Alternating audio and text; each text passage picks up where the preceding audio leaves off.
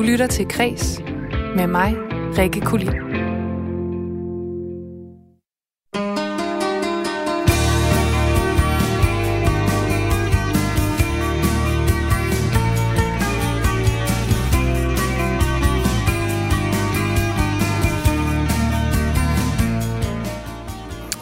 Åsa Linderborgs dagbog. Hvad skal der ske med Jazzhus Montmartre og Golden Days Festivalen? Det er de nyheder, mine tre gæster i ugens fredagspanel, de har med i dag. For om fredagen, der inviterer jeg tre kulturpersonligheder i studiet for at tale om, hvordan deres uge har været, hvilke kulturelle nyheder, der har fyldt for dem, og så skal vi høre en masse god fredagsmusik. Og øh, fredagspanelet i dag, det består af dig, Ulla Tofte, direktør for Museet for Søfart i Helsingør. Velkommen til Kreds. Tak. Så har jeg også med Jakob Sendergaard, som er direktør i forlaget Gudkendt. Velkommen til, Jakob. Mange tak. Og sidst men ikke mindst, så har jeg Jeppe Lausten, som er guitarist i bandet Valfugl. Velkommen til. Tak skal du have. Alle tre er jo super glad for, at I vil være med i fredagspanelet, og øh, traditionen tro, så skal vi alle sammen lige sige skål, så øh, I må meget gerne åbne, hvad end I drikker. Fantastisk. Skål. Dejligt I Faxe Kondi. mm. Ah, jeg skulle til at sige, så bliver det weekend, men altså, vi har lige en time foran os, hvor, øh, hvor vi skal øh, gennemgå ugen i, øh, i øh, kulturens verden. Og lige om lidt, så skal vi også høre, hvordan jeres uge er gået, alle tre. Og øh, jeg vil faktisk selv lige starte med at, øh, at kigge lidt fremad, fordi i morgen så bliver David Bowies plade Scary Monsters and Super Creeps 40 år. Og det er jo ikke hver dag, den gør det, så jeg tænker, at vi lige øh, starter ud på... Øh, på et, øh, et beat, der vil noget, nemlig med øh, titelnummeret Scary Monsters and Super Creeps. Velkommen til Kreds. thank you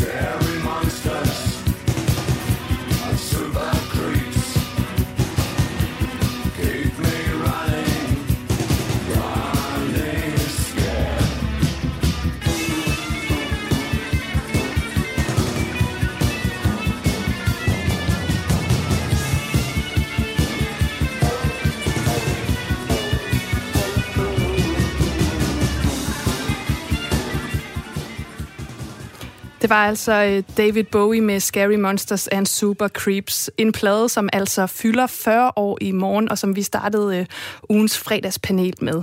Men øh, nu skal vi høre, hvordan mine gæster hver især har haft det i, i løbet af ugen, hvad der er sket for dem. Og vi kan jo starte med dig, Ulla Tofte. Jeg ved, at der er sket en del hos dig den her uge. Vil du ikke fortælle lidt? Øh, lagde ud mandag med at finde ud af, at øh, Museet for Søfart var blevet pålagt en besparelse på vores offentlige tilskud. Sådan noget er virkelig... Åh, det har man ikke lige brug for om mandagen. Nej, det var det virkelig mandagsagtigt. Øh, så, ja, det var sgu lidt mandagsagtigt. Øhm, men så da jeg lige var kommet mig over det, så om tirsdagen, så rankede jeg ryggen og tænkte, det, det skal fandme blive løgn. Nu skal jeg ud og skaffe nogle penge. Så øh, jeg gik i gang med at, at udtænke nogle nye projekter og kontakte nogle fonde og ligesom ja, kom, kom op på hesten igen. Og det føltes altså rimelig godt, vil jeg sige. Må man spørge ind til, hvordan det så er gået med det? Øh, det er jo ikke sådan, så jeg har alle millionerne endnu. det kender jeg godt. ja, ja. Men jeg har startet med positive tilkendegivelser og gode møder det er, så, så, den, så den der sådan, hvad skal man sige, optimisme, den indfandt sig faktisk relativt hurtigt. Det kan godt være, at jeg stadigvæk går sur nede i et, et hjørne af mig selv, men i det andet, der tænker jeg, nå ja, så er vi videre. Ja, og så øh, skete der jo noget i går, øh, som jeg faktisk havde med som nyhed her i, øh, i Kreds. Ja. Ja, i går, der, øh, der blev jeg valgt ind i øh, bestyrelsen for Dansk Erhverv. Og det er sådan lidt et nybrud, at øh, en rigtig skal man sige, traditionel øh, erhvervsorganisation øh, som Dansk Erhverv inviterer kulturen indenfor. Og øhm, det har vi også lige snakket om her i studiet, at det tager vi som et udtryk, det er sådan et, et skud ud til hele branchen, at øh, vi har nok gjort opmærksom på, at kultur er mere end bare, hvad skal man sige, end bare en passiv støtte og brokkeri, men også øh, et aktivt bidrag til samfundet. Både direkte, fordi vi rent faktisk har omsætning og udgiver bøger, og folk køber billetter til teater og musik osv., men selvfølgelig også indirekte som en, en væsentlig del af den måde, vores samfund hænger sammen og udvikler sig på. Kom, altså, jeg er lidt nysgerrig på, hvad du sådan, øh, har tænkt dig sådan at tage med ind i bestyrelsen. Altså, er der nogle sådan klare mål for kulturen, du har tænkt dig at tage med og vil, vil påvirke de andre med? Ja, helt klart. Altså kulturen, øh, kulturens kan man sige, måske først og fremmest indirekte bidrag. Øh, det vil sige den måde, vi taler sammen på, den måde, vores hele samfundskontrakten, hele velfærdssamfundet, som, som er erhvervslivets, øh, kan man sige, øh, vigtigste med- og modpart, det, det hænger jo utrolig meget sammen med, at vi er rundet af et eller andet, altså et, et, et, et, et eksistentielt og kulturelt fællesskab. Og det baserer sig igen på de bøger, vi har læst, og de film, vi har set, og de uh, sange, vi har sunget fra højskolesangbogen, og de museer, og den fælles historie, vi har. Uanset om vi har været her, havde han sagt, altid i 15 generationer, eller vi er kommet hertil, ja. så, så kvæg uh, de her kulturelle udtryksformer bliver, får man også forståelsen af, hvad det danske samfund består af, og kan dermed tage aktivt del i det. Vi er i hvert fald mange, der glæder os til at se, hvad det bærer med sig. Øhm, og øh, bare stor tillykke, vil jeg også sige. Tak skal og dejligt, du vil være med efter sådan en uh, travl uge. Og øh, med mig så har jeg jo også uh, dig, Jeppe Lausen. Du er altså guitarist i uh, bandet Valfugl. Hvad har det været for en uge for dig den her uge? Jamen, det har været en spændende uge, fordi at uh, i fredag så udgav vi uh, vores tredje album. Så det har været en uge, der har stået på, at uh, vi faktisk har fra mandag til torsdag været sammen 24 timer ja, i døgnet. Okay, det er intenst. Ja. Hvad hedder pladen? Pladen, den hedder Øjeblikke, vi husker, og det er sådan en opsamling af sange, der er skrevet over um, nogle memoirer, som vi har enten personligt eller med bandet. Okay, så I har været sammen hele ugen, men øh, hvad, altså, har det været, jeg tænker, der er måske ikke så mange koncerter lige nu i forhold til, hvad der sker, eller der har måske været mulighed for at spille? Uh, vi har faktisk øvet op til nogle koncerter, vi skal spille i slutningen af måneden. Uh, der er kommet koncerter igen. Det er jo selvfølgelig på en ny måde nu, end det var i foråret. Um, der er jo de steder, vi skal spille, må der højst være 50. Det er lidt forskelligt fra sted til sted. Øh, så det er et andet format, men øh, vi har øvet os op på at komme ud og spille til de her øh, arrangementer i slutningen af måneden. Og så er jeg jo nysgerrig på at høre lidt øh, om pladen. Hvad er det? Jeg hader det her spørgsmål, øh, når man stiller det, men jeg synes også, at det er relevant at spørge. Altså, hvad er det for en størrelse? Hvad er det for en, øh, en plade? Er I tilfredse med den? Vi er, vi er meget tilfredse. Altså, vi, øh, det er jo som sagt tredje gang, vi prøver, og det har gået godt de andre gange også, men hver gang man gør det, skal man jo vi må gerne prøve at være mere ambitiøs og prøve noget nyt. Og, så øhm, det er noget andet den her gang. Der er, der er flere musikere på end os selv. Vi har inviteret gæster med fra forskellige genrer øh, af musikken, og det gør det til noget helt andet, der har nogle flere dimensioner, end vi normalt arbejder i. Og det har været utroligt spændende at prøve. Og hvis man nu sidder her og ikke kender valfugl, så er det altså et... Øh, ja, du, måske skal du sætte ordene på, i stedet for, at jeg gør det. ja. ja, men det, det er måske svært at beskrive. Altså, man, man vil jo helst have, at musikken kan tale for sig selv. Men det er sådan noget roligt, mellow, øh, nordisk jazz. Ja, og øh, må, måske har det her med jazz, det kan også være noget, vi vender lidt tilbage til senere i programmet, så har jeg ikke sagt for meget, men jeg ved også, at øh, I har været rundt hos pladebutikker, og jeg er selv stor øh, vinyl-fan, altså pladefan, jeg kan godt lide det fysiske format. Hvordan, hvad har I lavet hos dem? Jamen, øh, jamen, det er jo sjovt med pladebutikker, fordi at de er jo lige så stille poppet op nu igen i, sådan nogle, i, i, i de små grader. Ikke? Øh, I gamle dage, der var det jo en stor industri at sælge især CD'er, men også vinyler, og, og nu er CD'er jo næsten helt ude. Så nu, nu starter der vinylbutikker igen, og øhm, der er det selvfølgelig i nogle små oplag, man kommer, og så sælger man et par af dem, og håber, at de øh, kan afsætte nogen, og mange af dem, de gør det af idealistiske årsager. Altså, det er ikke nogen, der bliver rige af det. Det er hobbyister, der hygger sig med det, og synes, det er fedt at få noget ny musik ind. Men er der mange sådan pladenørder, som også er øh, jazznørder? Det, det, det er der i hvert fald, og der er nok også pladenørder, der, der kan lide alle mulige andre genrer. Men øhm, jazzen, den har jo altid været på vinyl, lige siden starten, ikke? Og øh, så der er der også noget tradition og sjov i at have en, en, en moderne jazzplade på vinyl, i vinylsamlingen. Og vi vender altså også tilbage til valfugl senere, og så har jeg heller ikke sagt for meget. Jakob Søndergaard, min sidste deltager i panelet, direktør øh, hos forlaget Gudkendt. Jeg skal selvfølgelig også høre fra dig. Hvad har det været for en uge øh, i Gudkendt-verdenen og, øh, og hos dig? Gudkendt-verdenen. Jo, det, det, kan, det kan jeg godt lide. Jo, jeg repræsenterer Gudkendt-verdenen, som har eksisteret øh, siden januar, så vi er et, et helt ungt forlag, et lille ungt forlag, og øh, dermed bruger vi en masse øh, krudt på at holde netværksmøder. Den her uge er gået med møder med journalister og med øh, folk fra biblioteksverdenen, og også med nogle af vores vigtigste kunder, altså øh, boghandlerkæderne. Og jeg har mødtes med en, øh, en chef fra boghandlerkæden Kontur, som er den næststørste kæde i Danmark, og så også med øh, øh, øh cheferne for øh, boghandlerkæden Index Retail, som vi mødtes med i, i deres kontor i Horsens hvordan, i forgårs. Hvordan er det i forhold til at købe fysiske bøger? Fordi jeg ved, der er rigtig mange, der har læst under corona. Der er også rigtig mange, der har været på biblioteket. Øh, I hvert fald øh, digitalt, hvis man kan sige det på den måde. Men, men hvad med sådan fysiske bøger? Er det noget, som, som hitter nu her?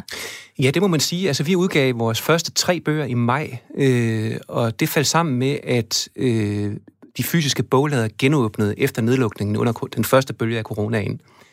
Og det var vi jo meget i tvivl om. Altså de første måneder øh, under coronaen, mens vi gik og ventede på vores, vores bøger, var vi i tvivl om, hvorvidt vi skulle fastholde planen. Men det valgte vi at gøre, og det viser så, at der var en enorm sult hos øh, boglæserne, øh, bogkøberne, som vi havde stor gavn af. Altså folk strømmede ned i øh, butikkerne for at købe øh, Stine Pilgaards øh, Meter i sekundet og Tine Høs Tour de Chambre for eksempel. Og der er ingen tvivl om, at coronaen, uden at jeg håber, det lyder kynisk, har været til gavn for, for vores forlag på den måde. Ja, og mm, altså, det er også to store banger, I lægger ud med, må det man må man sige. sige, ja. Men jeg tror faktisk, de er blevet større, end, end de ville være blevet, hvis ikke der havde været den, øh, den glæde over genåbningen af de fysiske boglader. Ja, og så kunne jeg godt tænke mig at springe lidt fra øh, glæde til noget, der måske er lidt mere trist, fordi Nord Litteraturfestival, som skulle være afholdt i øh, Helsingør næste uge, er aflyst. Hvordan øh, påvirker det jer? Jamen altså, det er, det er jo ulykkeligt, fordi vi havde et stort, flot program legnet op med arrangørerne af, af Nordfestivalen i Helsingør. En uh, række danske forfattere og enkelte internationale deltagere, som er skuffet over ikke at kunne være med der. På Museet for Søfart er vi også mega skuffet over ikke at kunne være med til at lægge hus til en fantastisk festival som Nord. Det, det forstår vi jeg, ja. totalt meget frem ja. til. Har I, har I, er der nordgæster, der kommer ned på museet? Jamen, vi, vi, vi var simpelthen på grund af corona, var vi blevet indlemmet som venue. Et simpelthen. af de steder, hvor, man, øh, hvor, hvor øh, der var oplæsninger og forfattermøder. Ja. Og det havde vi jo glædet os rigtig meget til, ikke mindst fordi det var nogle virkelig hotte forfattere, der blev sendt ned i, øh, i buen af Museet for Søfart. Men øh, det er jo så desværre Det gør vi, så vi næste år, næste år ja. ja, men det er, jo, øh, det er jo året, hvor man simpelthen ikke må forvente noget, fordi ellers så bliver man for, formentlig skuffet. Men i hvert fald så er jeg rigtig glad for, at I alle tre er her lige nu. Det er ikke blevet aflyst, så jeg synes lige, vi skal sige skål, og så synes jeg, vi skal kigge på lige om lidt, hvilke nyheder I har taget med. Så skål alle tre. Skål.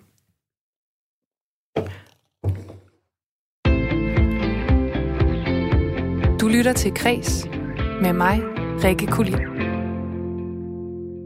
Og øh, jeg synes egentlig bare, at øh, vi skal starte med dig, Ulla Tofte. Hvilken nyhed fra den her uge har du taget med til øh, panelet?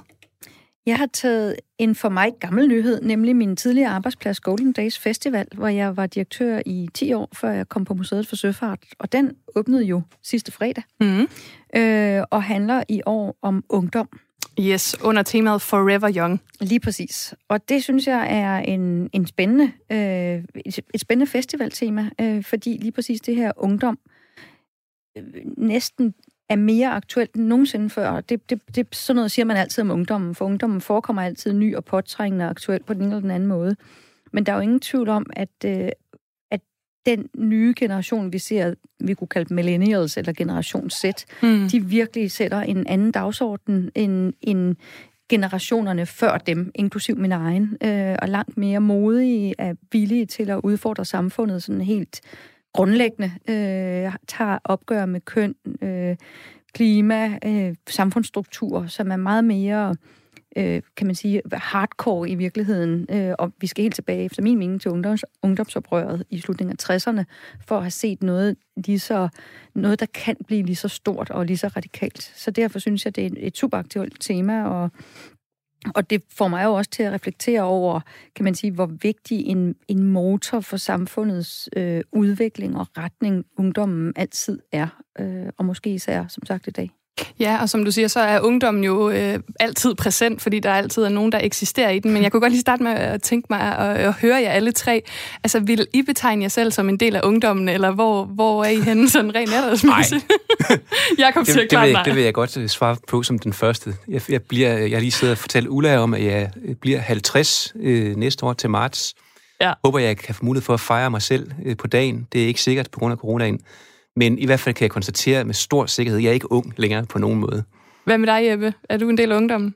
Jamen det, jamen det er lidt sjovt at, finde ud af, hvor den der grænse den går, ikke? Fordi jeg, jeg er 28, men jeg føler på mange måder, at, at der, der er en, en, en eller anden form for barriere ned til dem der, der råber højt nu, mm. øhm, som øhm, de har et eller andet fællesskab, som jeg tror, jeg ikke øh, er helt en del af, men på samme tid selvfølgelig bakker op om og har en stemme i. Men jeg føler ikke, at jeg er kernen af den ungdom, der, der laver den bevægelse, som der bliver snakket om der. Nej, det er jo ret interessant, hvornår man ligesom... Fordi jeg ved ikke, om I kender det i, i andre, eller jeg alle tre for den sags skyld. Altså, nogle gange så er der et eller andet ungdomsfænomen, som dukker op, og så er det, jeg tænker, okay, jeg troede jo, jeg var en del af ungdom, og jeg forstår simpelthen ikke det her, og det, det er ja. bare det, der er inde nu, den her dans, eller sådan et eller andet, som bare, vi ved, det er det nye. Men, men du startede jo med at sige det her, Ulla Tofte, øh, med at det, det har forandret sig radikalt, hvordan ungdommen er, og hvordan de går på barrikaderne, du måske faktisk ikke set det siden øh, 68. Altså, hvad er det, der er sket med, med ungdommen? Fordi at da jeg var teenager, der var jeg godt nok hverken klimaaktivist eller, øh, eller med på øh, noget sådan politisk beat. Hvad er det, der er sket med ungdommen? Jamen ungdommen, en gang imellem, så fjerner ungdommen sig så meget. Altså hvad skal man sige, de nye generationer bliver så på alle måder øh, øh, kulturelt og økonomisk især øh, forskellige fra øh, herskergenerationen, hvad enten det er de øh, forældrene eller generationen før. Og når det, den afgrund bliver alt for stor, så gør de oprør. Det er jo sådan helt den klassiske revolutionsdynamik. Og man kan sige, fra 68, 68'erne var meget sådan cutting edge, og det vil sige, at alle de efterfølgende generationer lignede more deres forældre. Det var svært at gøre oprør mod nogle oprører. Men nu, de nye, altså igen the millennials, de gør oprør mod blandt andet min generation, men også mine forældres, simpelthen fordi, fordi skældet mellem dem og os er blevet så stort, så der er plads til et oprør, der er plads til en, en ny retning, og der er også plads til al den vrede og frustration, som de rummer, og som de, er, synes jeg, er utrolig gode til at, at artikulere og bruge konstruktivt. Jakob Søndergaard, altså er du enig i det, øh, Ulla hun siger her, at der ligesom, du ved, der er så meget for ungdommen, hvad kan man sige, at øh, gøre oprør imod, at vi virkelig ser nogen, som, øh, som ikke bare ligner deres forældre, og som ikke ligner de her boomers, siger jeg i godsøjne, som mange af dem nok bliver kaldt, eller som de vil kalde deres forældre? Jeg øh, er enig i den analyse, øh, og så tror jeg også, der er nogle, hvad kan man sige, nogle strukturelle forhold, der gør sig gældende nu på en meget, meget synlig måde, som, som man skal gøre oprør mod. Altså, klimaet er jo helt oplagt. Ungdommen af i dag har ikke noget valg. Altså, øh, det er så evident, at et eller andet skal ske, og jeg er lykkelig for, at dem, der har kræfterne og klarsynet, øh, gør det. Men er det også det, I tænker alle tre, at det, det er der, vreden kommer fra? Det er faktisk, fordi de ikke har noget valg. Altså, så det her oprør, det er egentlig ikke noget, man har lyst til at tage, men det er sådan, mine forældre gør det ikke for mig, generationen før dem gjorde ikke noget for det. Øh, vi, vi, vi er nødt til at gøre det her, så det er der, det er der vreden kommer fra i virkeligheden. Jeg synes ikke kun, det er vrede. Altså, det, det er jo ikke, kan man sige, bare øh, høtyve og ned med nakken til boomersne. Der er også en masse øh, visioner og en masse kreativitet øh, og en masse, kan man sige, ny energi, som, som jeg i lige så høj grad synes er vigtigt at fokusere på. Og da jeg var, var ung og, og prøvede at komme med den nye energi til mine forældre, så måtte jeg jo hele tiden sande, at de faktisk bare var meget mere progressive, end jeg var. Altså, de var, de, de var til nøgendans og partnerbytte og alt muligt andet, og jeg var jo nødt, nødt til at blive boneret for at, ligesom at vælge en anden kurs. Og det, det var jo ikke særlig uh, cutting edge. Så jeg, jeg tror... mener, der er, mange, altså, der er meget god energi i det også. Det er ikke kun vreden. Jeg tror, jeg tilhører samme bornerte generation som Ulla. Øh, og noget af det, jeg på den baggrund glæder mig over at se, det er øh, øh millennial-generationen og generation Z's lyst til at udfordre kønsnormer. Mm. Og det, det, det, det er noget af det, der forekommer mig mest... Øh, altså som, som midlerne mand, mest dristigt og, og, og, og modigst og, og øh, mest respektindgydende faktisk. Ja. Fordi der, er, altså, der kan være personlige omkostninger ved det, og, og den, den tager de. Ja. ja. Det, for mig er det noget nyt og eksotisk, men øh, det er tydeligt, at det er der. Helt enig. Jeg bemærkede, altså der er både den radikale version af det, men, men jeg bemærkede min, min søn, som er 17 år, den ene af dem, han kom hjem forleden dag, og så sagde han, han havde et eller andet, han, nej, han fortalte mig om sin ønskeliste, og så sagde jeg, ja, hold da op, man skal da hvile sin maskulinitet for at komme med sådan nogle ønsker. Det var, det var nogle meget sådan feminine ønsker i min optik. Så sagde han, jeg er egentlig ligeglad med, om folk de tror, jeg er hetero eller homoseksuel, fordi jeg behøver ikke at bevise noget. Der er, jo en, altså- der er jo en kæmpe frihed i sådan et udsagn, ja, og, enhver, og, og enhver revolution handler jo om ønsket om at opnå frihed. Ja. Og det, det, det gør de her unge mennesker på ja, en meget, meget fin måde. Hvad tænker du, Jeppe Lausen? Fordi vi to, vi står jo sådan et sted mellem den ældre generation og så generation ja. Z, som er de totalt progressive, mega seje. Altså, jeg synes, alle 15 år, jeg vil være dem, og jeg står bare her sådan i slutningen af 20'erne og tænker, jeg har David Bowie. ja, det er rigtigt. Øh, hvad tænker du, hvor er du i alt, alt det her? Jo, men øh, jeg vil også lige sige, at nu lyder det også som om, at vores panel medværter nu også er rimelig godt med på, og progressive med på, hvad der sker, så øh, det, det er jeg helt enig i den analyse. Man kunne tilføje jo, at, at det der med, at i den her tid, så kan de her reaktioner også sprede sig også på en helt anden måde før, end før i tiden, og nogle af reaktionerne er jo nogle, der starter et andet sted, og i en anden kultur, hvor problemerne er også måske endnu større, og så bliver vi klar over dem lidt før tid i Danmark, øh, og kan, kan nå at reagere og, og adapte kulturelt øh, på tværs af, af landegrænser, og det ved jeg ikke, hvordan det gjorde det i 60'erne, men det er i hvert fald blevet nemmere nu, ikke? Hurtigere. Mm.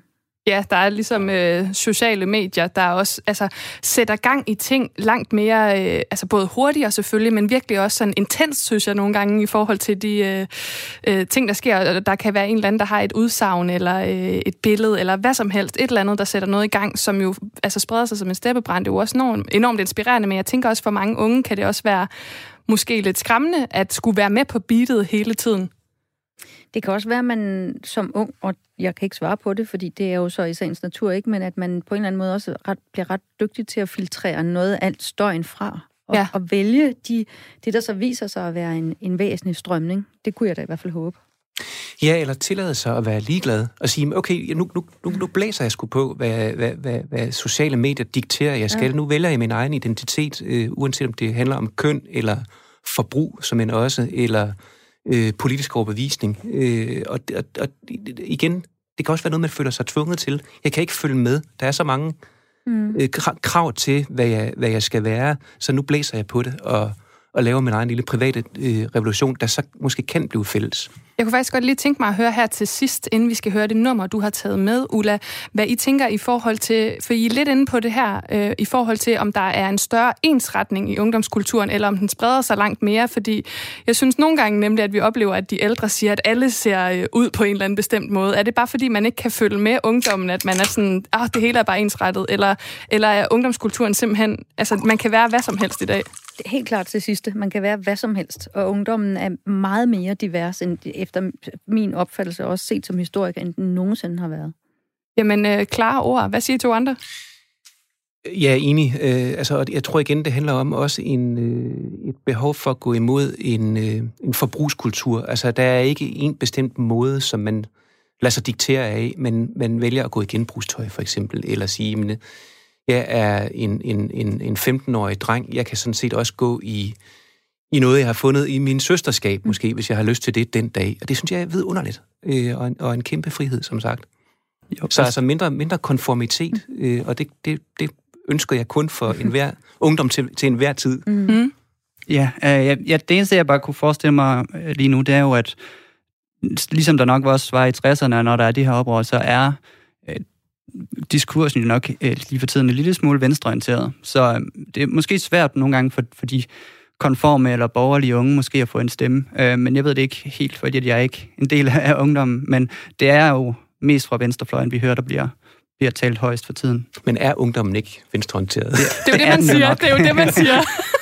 Så kommer det senere måske. Ja, ja, men for at høre, vi når desværre ikke at snakke mere ungdom lige nu, fordi Ulla Tofte, du har jo øh, valgt et nummer, og hvad er det, vi skal høre nu? Det er et nummer, jeg har haft på hjernen, siden jeg tirsdag morgen mødtes med en på en i faktisk en vinbar, som viste sig heldigvis også at være en kaffebar, for vi skulle mødes klokken 8 om morgenen. det var godt. Øh, og der hørte jeg øh, det gamle Depeche Mode-nummer, som hedder Enjoy the Silence, men i en meget sådan øh, lidt cheesy version. Øh, og det er den øh, tidligere fransk, franske, tror jeg, italienske fotomodel Carla Bruni, der senere blev gift med den franske præsident, mm. som har genindspillet Enjoy the Silence. Og på en eller anden måde, så tænker jeg, at nu har vi lige været i sådan denne her lidt mørke 80'er-stemning med Bowie, så måske er det meget passende at tage den her sådan lidt mere cremede udgave af Enjoy the Silence. Det var jo simpelthen ordene, og jeg synes, en cremet udgave af Enjoy the Silence, det er alt, jeg har brug for lige nu, så den får I her.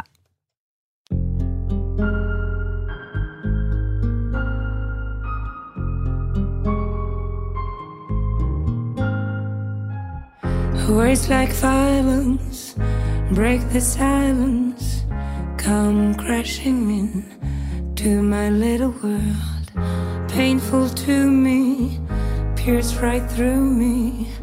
Can't you understand? Oh, my little one, all I ever wanted, all I ever needed is here in my arms. Words are very unnecessary, they can only do harm.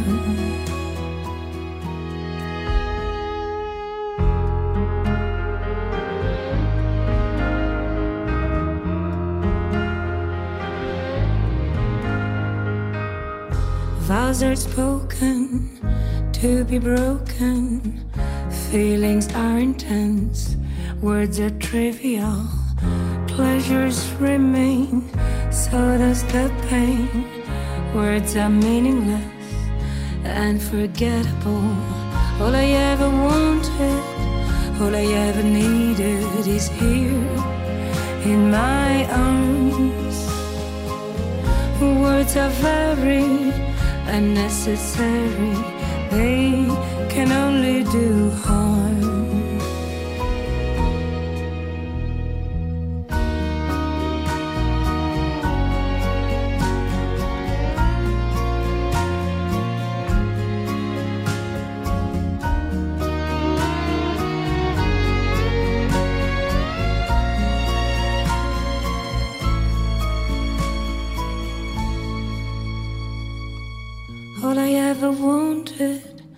I ever needed is here in my arms.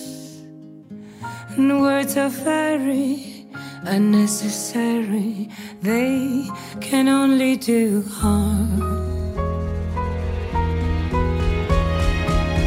All I ever wanted, all I ever needed is here in my arms.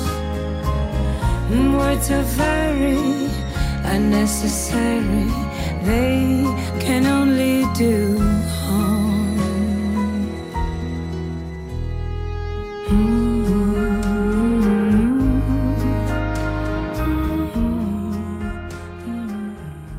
Det var altså øh, det fredagsnummer, som øh, Ulla Toftet havde øh, valgt i dag, nemlig Carla Brunis version af Depeche Mode's Enjoy the Silence.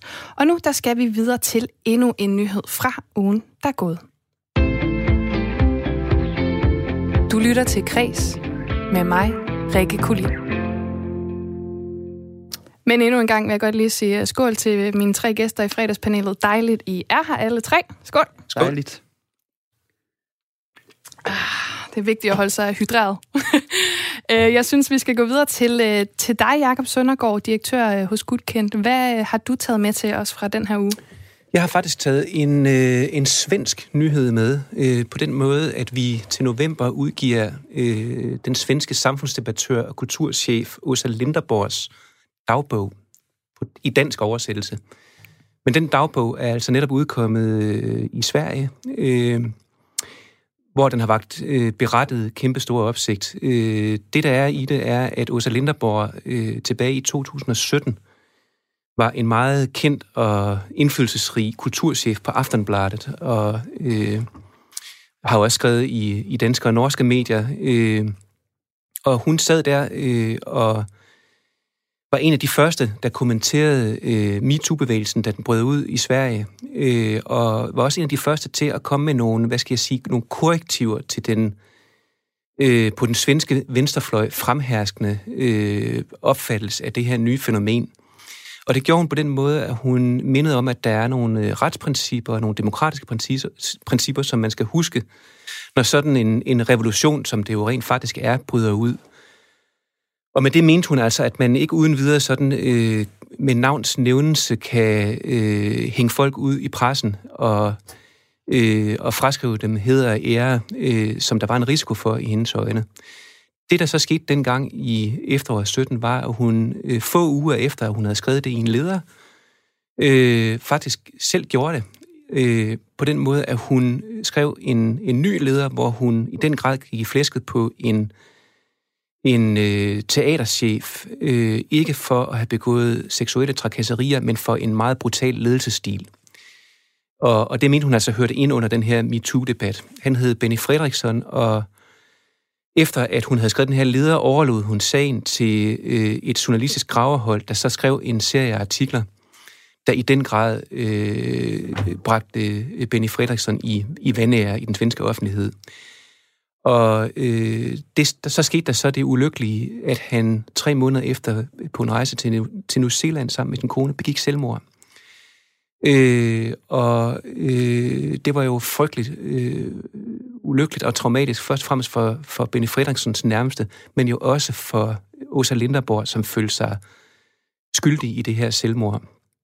Den øh, ulykkelige begivenhed falder sammen med, at hun bliver 50, og Øh, det udløser øh, hos hende en, en livskrise, øh, eller i hvert fald en, en selvreflektion i forhold til, øh, hvad der sker med hende som kvinde, hendes, hvad der sker af fysiske forandringer, og, øh, og desuden så bliver hun forladt af sin kæreste gennem mange år, og i virkeligheden så er det alt sammen øh, noget, der gør, at hun, hun har et øh, annus horribilis op gennem øh, 2018.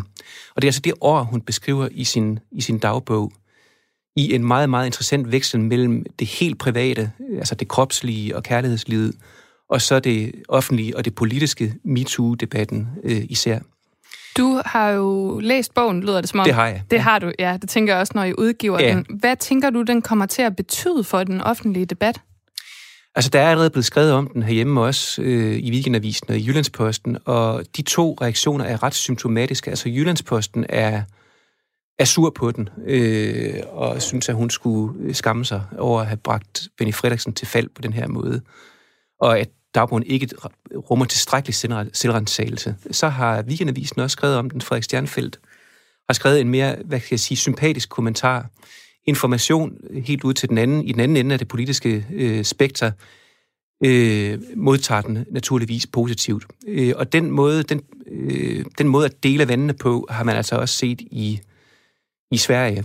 Herhjemme tror jeg, når den kommer på dansk og forhåbentlig vil skabe debat, øh, der tror jeg, at den vil blive kædet sammen med det, vi ser i øjeblikket, øh, som er afført af Sofie Lindes udmelding for nylig, hvor hun beskriver et, øh, et øh, ikke et sexovergreb, men en seksuel chikane, hvor en del af pointen øh, i hendes udmelding har været, at hun vil ikke sætte navn på, fordi hun anser øh, den her adfærd for at være et strukturelt problem.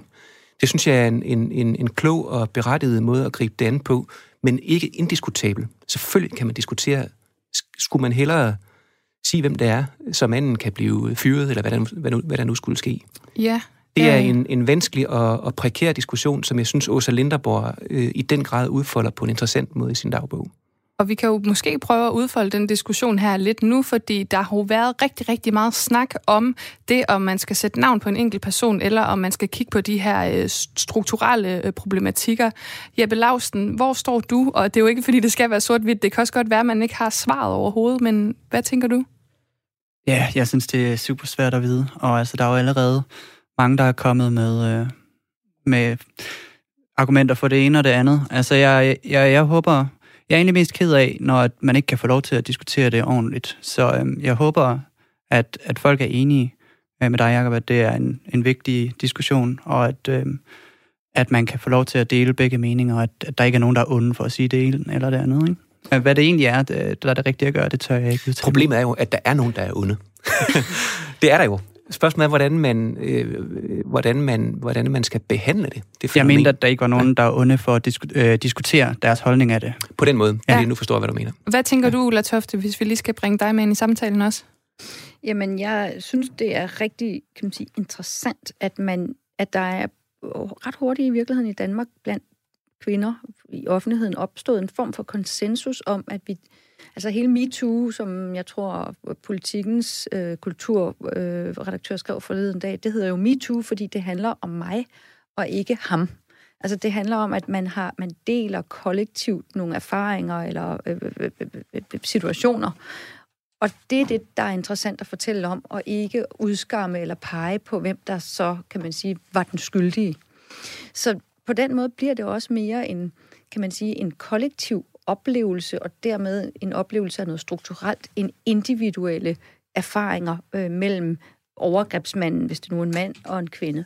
Øh, det, det, på en eller anden måde, så tænker jeg, at det, det føles måske også bedre at være en del af noget, som man står sammen med en masse andre MeToo'ere om, end hvis man, kan man sige, netop som sig selv øh, alene skal udpege en, en, en gerningsmand eller kvinde, en skyldig. Ja, og man kan jo sige, at i forhold til det her med navne, så har 701 danske mediekvinder i dag skrevet under på den her, øh, den her, øh, det her åbne brev, kan man sige. Og jeg er selvfølgelig øh, inhabil, kan jeg forstå, så jeg siger ingenting. Men jeg kunne godt tænke mig at høre, hvor, øh, hvor I egentlig står hver især i det her, fordi vi har jo netop oplevet her herhjemme i Danmark, at den her diskussion også har fyldt rigtig meget. Der øh, var jo masser af kronikker i diverse aviser og ledere, som, og også enkeltpersoner i mediebranchen, som var meget opsatte på, at Sofie Linde hun skulle sætte navn på, hvem det havde været. Og øh, du startede jo med at sige, øh, Jakob Søndergaard, at øh, det er jo op til diskussion, om man skal nævne øh, navne eller ej, men, men, men er det det? Altså det er, det er jeg ret interesseret i, fordi der er jo åbenlyst nogen her, som, som synes, at vi skal sætte et navn på, og så er problemet løst, eller hvad? Hvad, hvad tænker du om det? Jamen altså, jeg er øh, dybt ambivalent. Jeg er uafklaret omkring det. Øh, og, og det er noget af det, jeg synes er det interessante også ved Åsa Linderborgs dagbog, at det er hun også. Altså, øh, det, der, der er ingen nemme svar i det her. Det min egen tvivl går på, det er jo, at hvis man ikke drager nogen til, altså konkret til, til ansvar, jamen hvad, hvad er konsekvensen så? Så kan man håbe, at der vil ske affødt af debatten en generel holdningsændring i samfundet og rundt omkring øh, på arbejdspladser og virksomheder. Men, men, men det, det, det kræver altså øh, det kræver handling.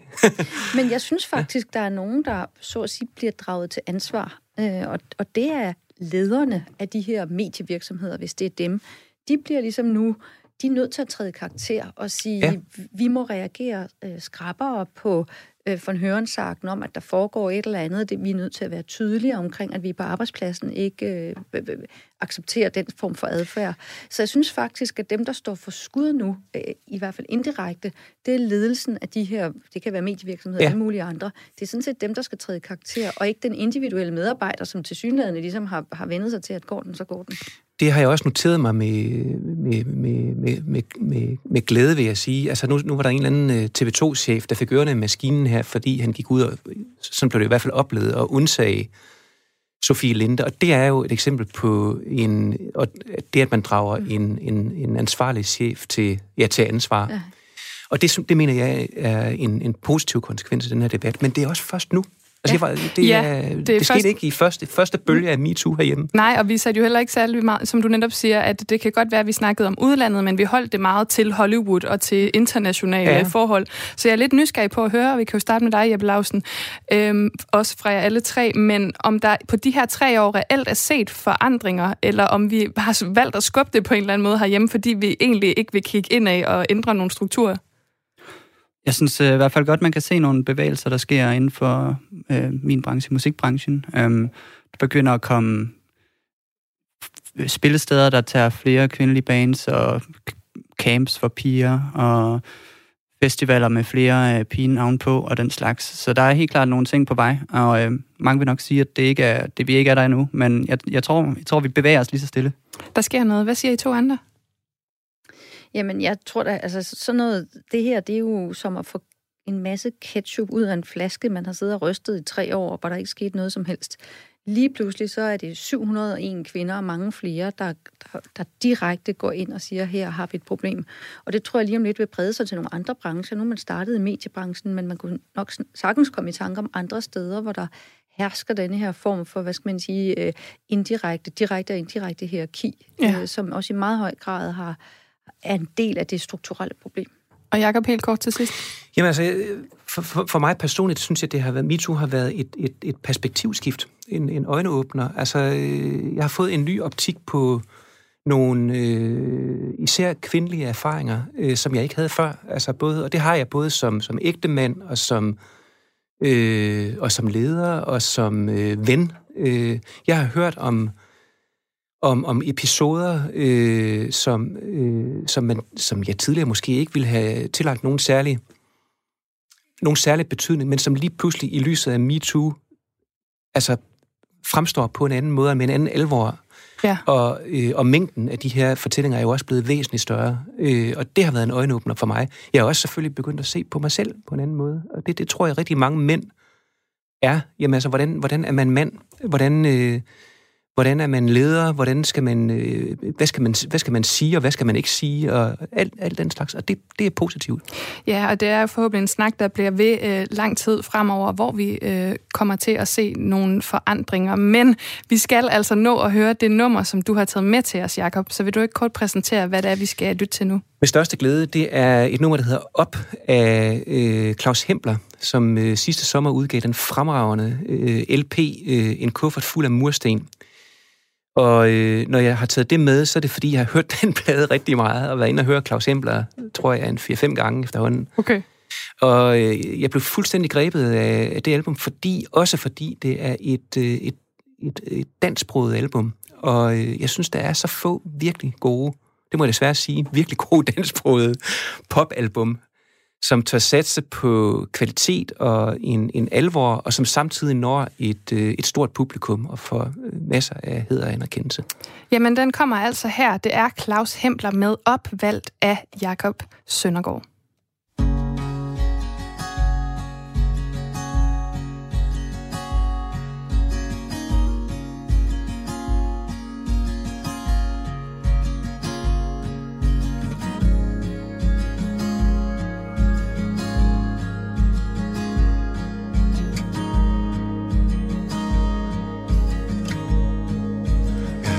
Så hvad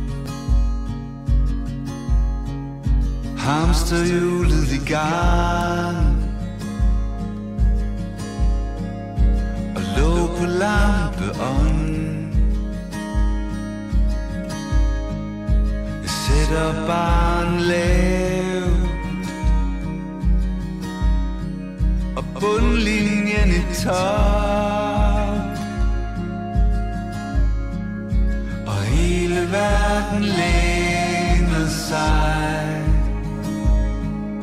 Så langt ned ad den eneste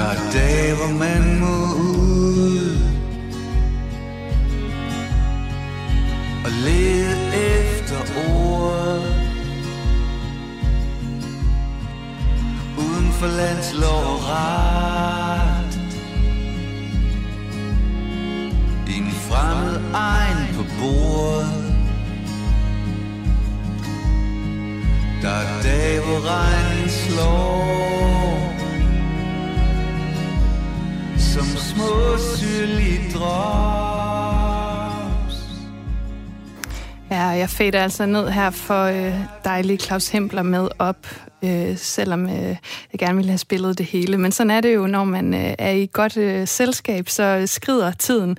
Og som jeg sagde i sidste uge, så skal jeg altså ikke være øh, toastmaster til nogens bryllup, fordi jeg vil aldrig kunne overholde noget som helst. For vi skal nå den sidste nyhed i panelet, nemlig den, som du, Jeppe Lausten, har valgt.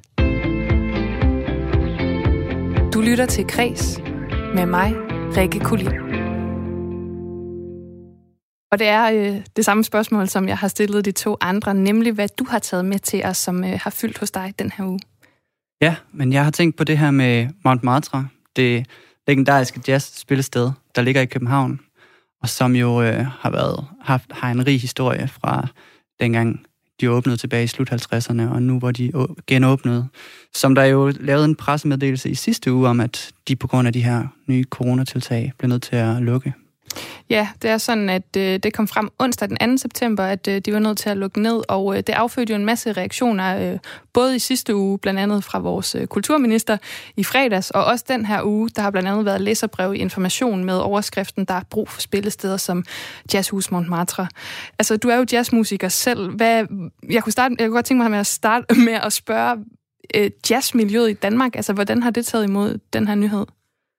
Ja, men det er jo det er jo en lille katastrofe på en måde, fordi at det, er, det, det er bare vores mest historiefyldte sted. Og øh, ja, altså, jeg har, jeg har haft den ære at spille koncerter to gange, og, og det er sjovt, fordi at begge de gange er jeg bare kommet ud bagefter og bare tænkt, wow, det var fedeste koncert, jeg nogensinde har spillet. Og jeg, jeg ved ikke hvorfor, om det er, hvad det er, det er noget med lyden derinde og stemningen og sådan noget, det er bare sådan, det er bare sådan helt magisk. Og øh, så det er, det er derfor, det er bare super ærgerligt at miste det. Altså, det, det kan ikke bare lige, man kan ikke bare lige lave en klub, der er sådan der igen.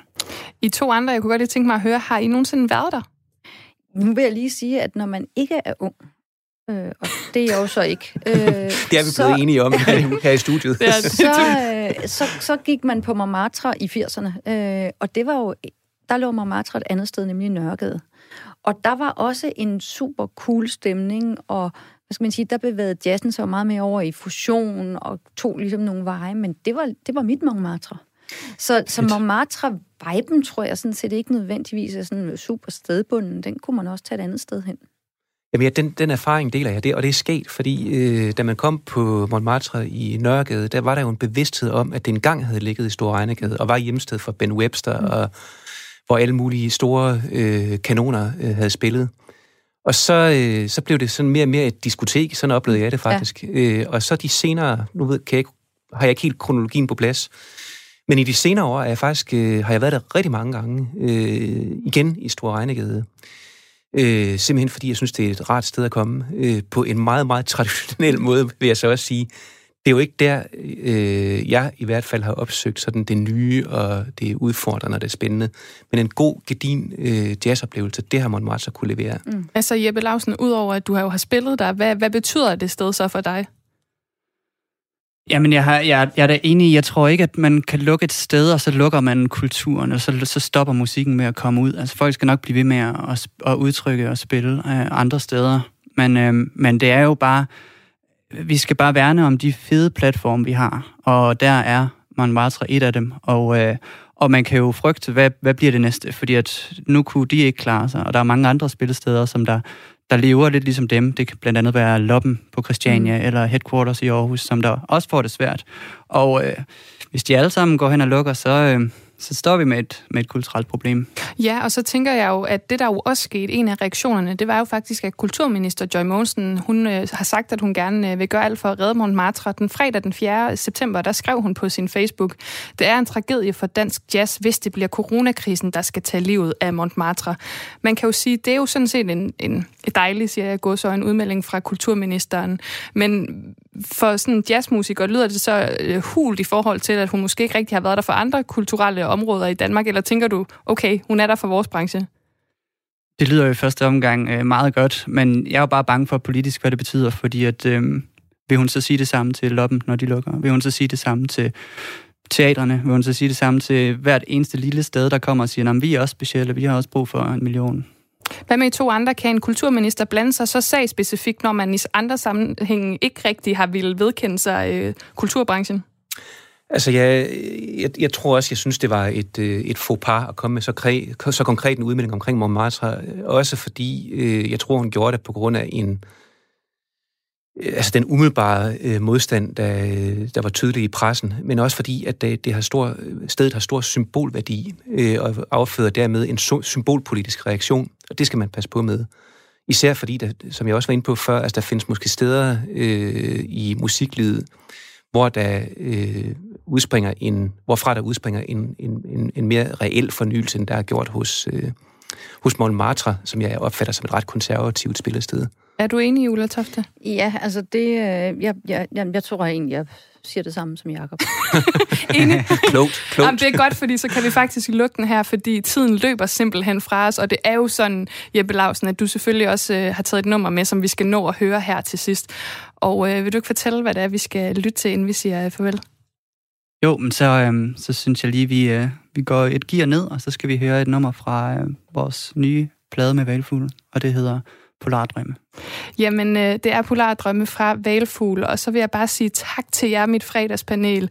Jeppe Lausen, Ulla Tofte, Tofte og Jakob Søndergaard. Tak, fordi I var med i Kreds. Selv tak. Det var hyggeligt. Tak.